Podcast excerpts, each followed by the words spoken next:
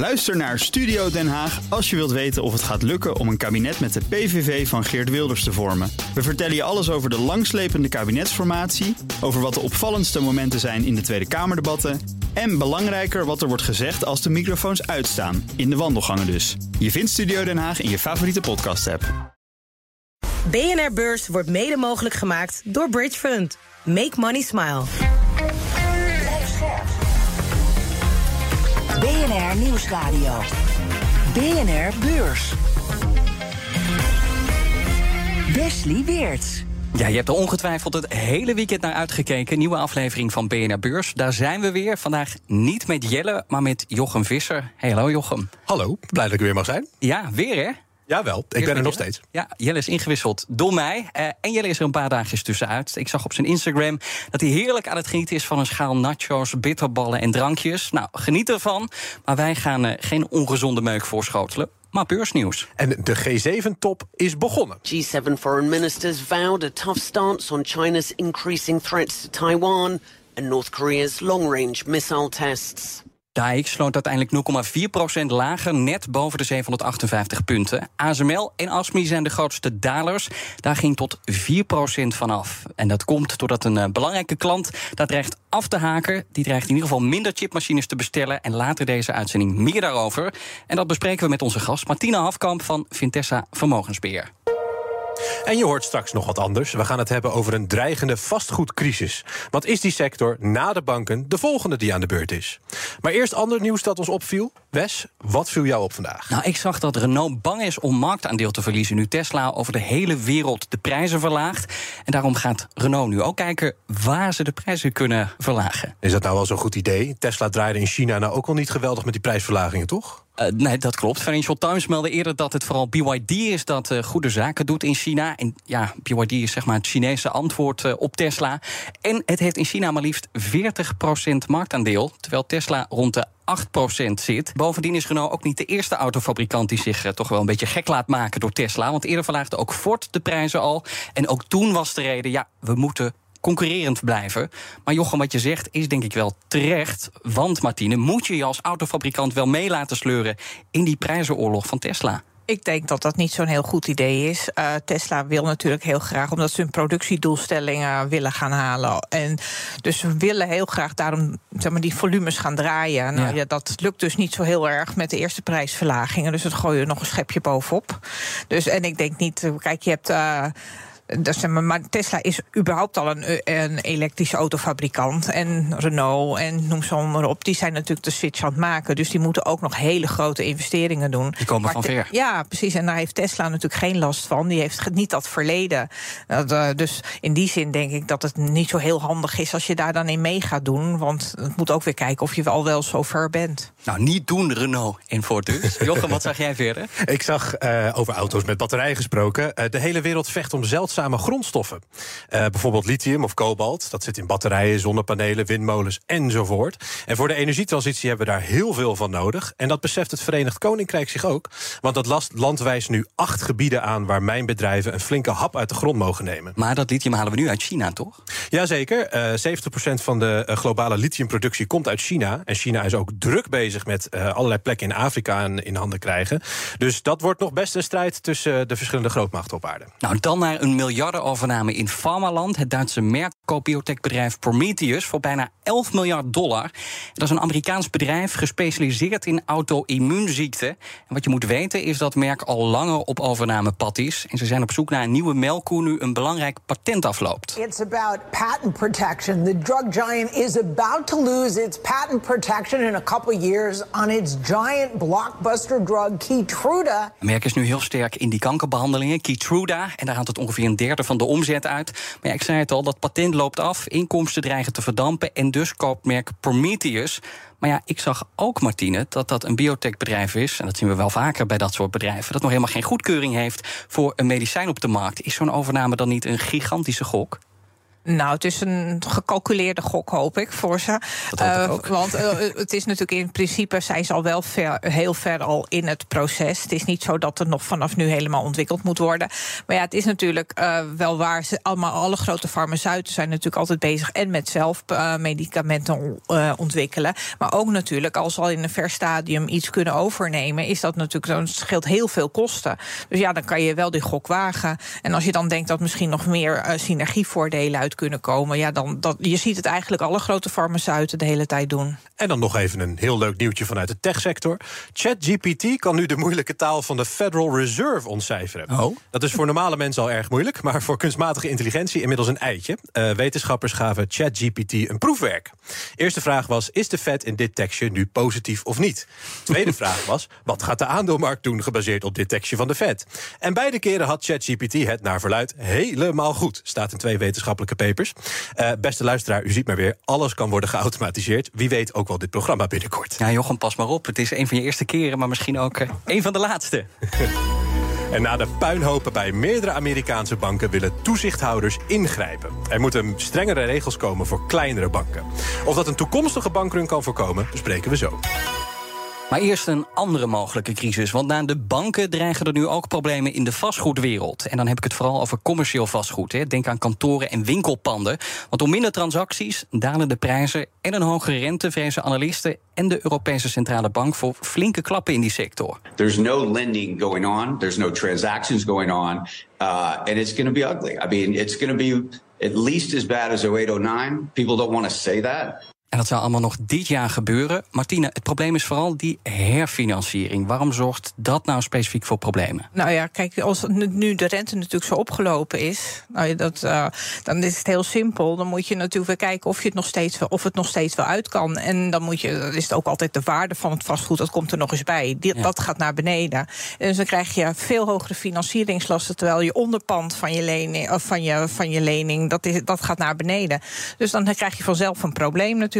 Ja, en plus daar komt nog eens bij, ze hebben ook te maken met huurders waarschijnlijk. Ja. Die je kunt niet die extra kosten, last die je kwijt bent, zomaar doorberekenen. Aan nee, ook niet. En bovendien is natuurlijk door corona is de hele markt wel heel erg veranderd. Juist ook met natuurlijk thuiswerken. Je ziet alle grote bedrijven eigenlijk ook wel een beetje terugschalen. Uh, dus nou, ik bedoel, dat ze, in Amerika is het natuurlijk precies hetzelfde. Dat zegt ook, Google is efficiënter bezig met zijn kantoren inrichten. Nou, hier mm -hmm. gebeurt dat allemaal ook.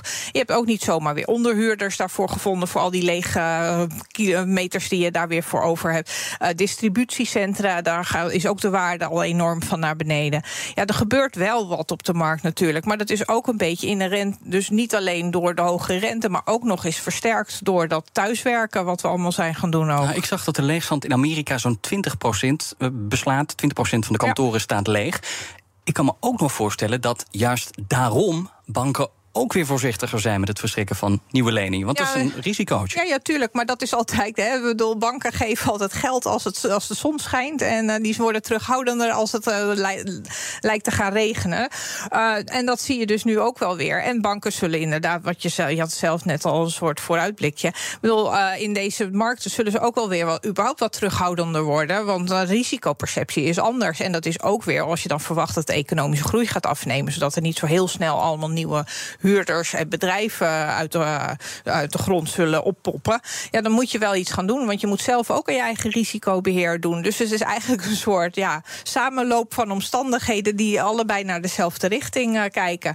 Maar ja, aan de andere kant weet ik niet. Kijk, niet al het vastgoed hoeft in één keer te hergefinancierd worden. En als ze een beetje slim geweest zijn, zal er ook heel veel vastgoed juist de afgelopen jaren op die lage renteniveaus zijn geherfinancierd. En ook wat tegen la langere looptijden.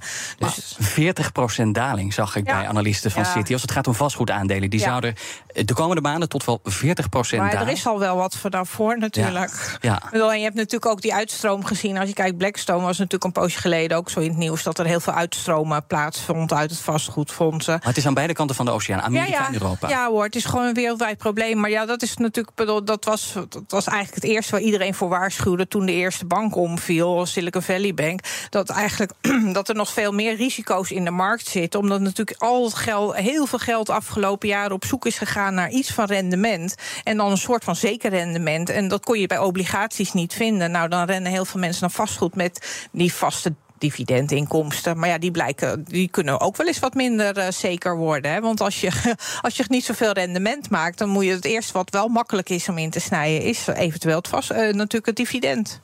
En, en mijn vraag is een beetje, uh, je weet het als vastgoedsector... die zijn nu allemaal aan het kijken naar hun boeken, naar hun panden... Uh, misschien hertaxeren, huurders halen, wat dan ook. Maar hoe red je hier dan vervolgens uit? Kan je leningen oversluiten? Uh, natuurlijk, je kan altijd leningen oversluiten... maar de vraag is of je dat nu dan moet willen.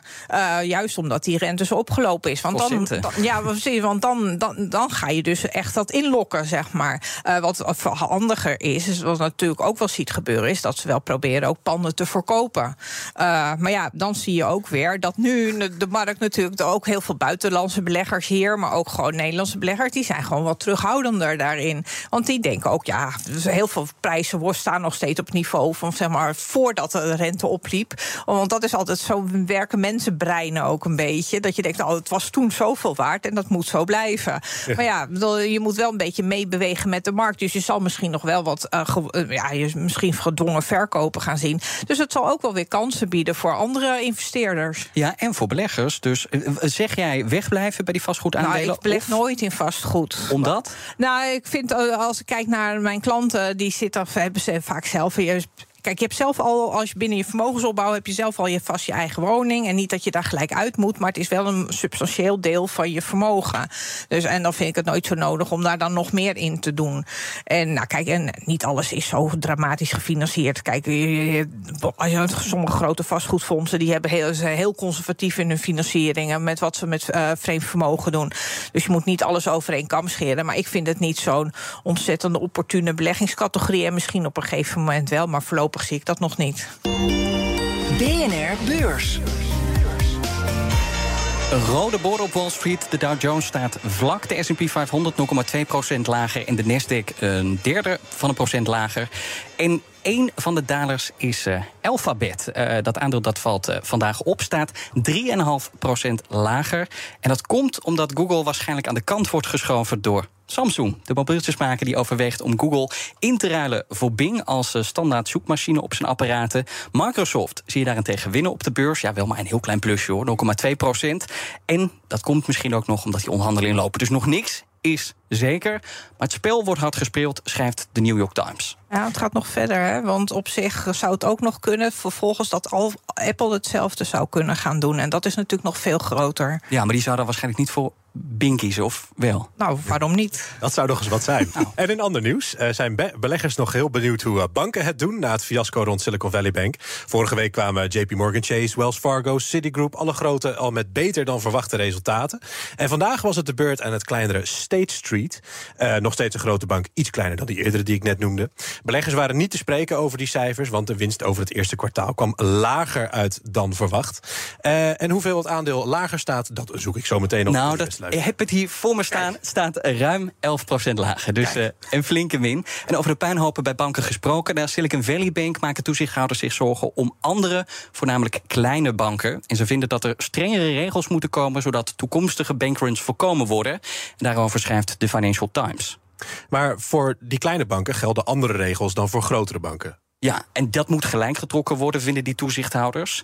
Uh, Martine, uh, waar voldoen die kleintjes nu nog niet aan, maar ja, straks dan misschien wel als het aan die toezichthouders Nou, het gaat vooral om liquiditeits- en kapitaalseisen, maar die zijn juist losser gelaten onder Trump. Dus dat was eerst wel allemaal hetzelfde. Maar dat, toen zei ze, nou, die kleine banken zijn, zijn geen systeembanken. Dus die, dat voor het internationale systeem, is, betalingssysteem en bankensysteem, is dat geen onoverkomelijk risico. Als het fout gaat, gaat het niet goed fout. Nee, ja, maar ja, dan krijg je dus vervolgens kan het natuurlijk zijn een domino-effect. Want als de een gaat, kunnen er meer gaan. En daarom is natuurlijk ook zo daadkrachtig ingegrepen om dat allemaal te voorkomen. Dat vooral het, het vertrouwen in het financiële, financiële, systeem wel blijft bestaan. Maar ja, bedoel, uh, in het geval van Silicon Valley Bank was het echt gewoon een kwestie van verkeerd renterisicobeheer. En ja, dat, als je daar niet naar kijkt. Maar ja, bedoel, dan denk ik ook dat als je als bank daar niet naar kijkt, vind ik dat oh, überhaupt niet zo slim. Nou ja, Silicon Valley Bank had zichzelf niet gehedged. Daar refereer jij nu aan bijvoorbeeld. Ja. Uh, was ook qua deposito slecht verzekerd. Maar ja, toezichthouders die kunnen dus strengere eisen willen... Uh, zodat de rest wel zich hedgt en wel betere depositobescherming heeft. Maar, maar kunnen kleine banken daar wel aan voldoen? Want dan gaan je financieringskosten weer omhoog. Nou ja, dan zullen ze terughoudender worden met hun financieringen. Dus in die zin schiet je er niet zo heel veel mee op. Als je hm. wel gewoon geld vloeibaar wil houden in, eh, om een economie draaiende te houden. Uh, aan de andere kant, uh, ja, bedoel, een, een bankrun kan je nooit voorkomen. Uh, dat maakt als, gewoon als we met z'n allen tegelijk, het maakt niet uit naar welke bank gaan. Ja, dan heb je, heeft zo'n bank een probleem. Op, en dat is niet omdat ze helemaal niet goed zijn, maar gewoon omdat de liquiditeit, die liquiditeit die is er gewoon niet.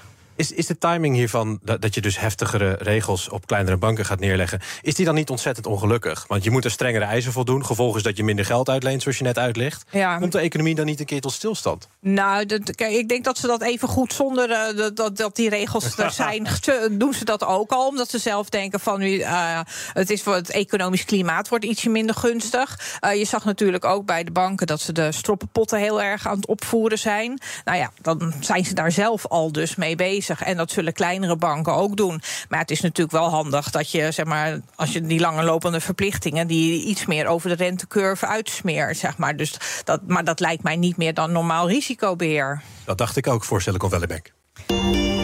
BNR Beurs. Je hoort het al aan het begin van de uitzending. De grootste verliezers in de AX zijn ASML in ASMI. En dat heeft alles te maken met geruchten over chipreus TSMC. Dat is een grote klant van deze Nederlandse bedrijven. En TSMC wil de investeringen flink terugschroeven. Dat melden anonieme bronnen aan de lokale zakenkrant. Nou, Martine, los van of dit waar is of niet. Ik hoor analisten altijd zeggen: Nou, klanten staan in de rij bij ASML. En als er één afhaakt, ja, dan is er wel een andere klant. Dus hoe erg is dit bericht dan? Uh, nou ja, dat is inderdaad nog niet bevestigd. Nou is het wel zo natuurlijk. We hadden eerst al China, waar dan bepaalde producten van ASML niet heen ja, mogen. Vooruit, ja. uh, nu hebben we dit, Taiwan. Uh, maar je, als je dan gewoon wat verder kijkt, dan zie je natuurlijk dat dat wel een heel groot deel is van de omzet van ASML. In totaal dan zit je ver boven de 50 procent.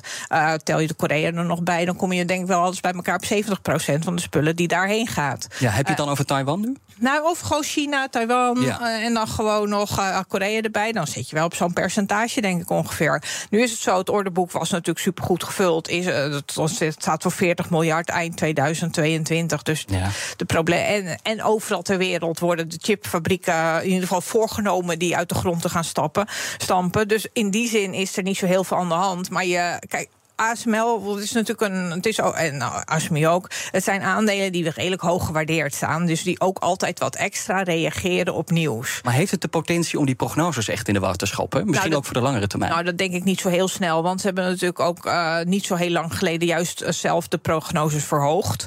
Um, en kijk, het gaat wel over. Er gaat een paar miljard vanaf van de investeringen. Wat natuurlijk zou kunnen dat ze orders gaan uitstellen van TSMC. Je ziet gewoon, maar dat is nog nooit anders geweest. Uh, de chipmarkt is een uh, varkenscyclusmarkt. Dus ja, uh, en, maar het lijkt wel of die cycli een beetje, steeds een beetje korter worden. Uh, maar ja, je zag natuurlijk ook, er is best uh, aan de ene kant zeggen alle chipfabrikanten eigenlijk, nou, we moeten misschien eventjes dit wel gewoon een voorraadafbouw doen. Maar ja, aan de andere kant, met de ChatGPT en met gewoon in het algemeen kunstmatige intelligentie, zijn er juist heel veel meer chips nodig. Dus de lange, vooruit, lange termijn vooruitzichten, daar zie ik niet zoveel in veranderen. Nee, maar dit is wel een belangrijk punt dat je aansnijdt. Want ik kan me herinneren, nou, ik hoorde jullie uitzending van vorige week. Toen ging het over Samsung. Eh, Dat is ook een, een chipfabrikant. Die heeft ook gezegd, we verlagen de productie... waardoor de prijs weer omhoog gaat. Dat denk ik, uh, dat vroeg ik me af als belegger. Van, ja, is dat nou goed nieuws voor je chipaandelen? Want je kunt zeggen, lagere chipproductie is hogere prijs... is goed voor je chipaandelen. Maar onderliggend is het natuurlijk zo, er is minder vraag. Ja, dat is helemaal niet zo goed nieuws. Ja, maar dat is dan vooral de PC-markt natuurlijk... waar de vraag erg onder druk... of tenminste het vraag erg onder druk heeft gestaan. Maar als ik dan weer verder kijk met die elektrificatie en die, uh, al, die auto's, uh, nou, er moeten heel veel meer chipjes in. En dus wat ik al zei, kunstmatige intelligentie en al die rekenkracht die daarvoor nodig is. Je zag natuurlijk ook dat Nvidia, daar worden, gaat bijvoorbeeld Elon Musk gaat daar duizenden chips bestellen, omdat hij ook zich met kunstmatige intelligentie wil gaan bezighouden. Je bent nog wel enthousiast over die chipaandelen. Ja, ik, ja, ik bedoel, uh, natuurlijk, de wereld kan op den duur best zonder ASML, want er zijn ook andere producenten. Je zag ook toen natuurlijk natuurlijk toen Applied Materials zei van we Mhm. hebben een soort andere machine ontwikkeld waardoor het veel sneller kan en veel efficiënter. Nou, daar reageerde de koers van ASML ook best wel aardig op hoor, in negatieve zin. Dus je ziet het wel vaker gebeuren. Maar voorlopig denk ik dat, eh, dat de wereld nog niet zonder ASML kan. En dan kijken we wat morgen op de agenda staat. Met de ronkende cijfers van een stel Amerikaanse grootbanken nog in het achterhoofd... gaat het cijferseizoen nu echt van start. Het wordt een drukke week. Rond de lunch komen Bank of America en Goldman Sachs nog met hun cijfers van het eerste kwartaal. En later komt ook Netflix nog met cijfers. Degenen die voor een Bloomberg terminal kamperen... kunnen verder genieten van de cijfers van Johnson Johnson. Noteer maar alvast half drie smiddags. Want dan komen de cijfers over het eerste kwartaal. Verder van huis komt China met belangrijke cijfers over de economie, de BBP-cijfers. Die laten zien of de economie nou echt uit de startblokken is geschoten of dat het nog veel harder kan allemaal. Veel plezier met de cijfers deze week. Dit was hem alweer, bijna. Want we sluiten af, elke aflevering af met een tip natuurlijk. Maar niet meer uit het boekje van Corné van Zijl. Nee, Dat- wat jammer. Ja, we doen even alsof hij op is.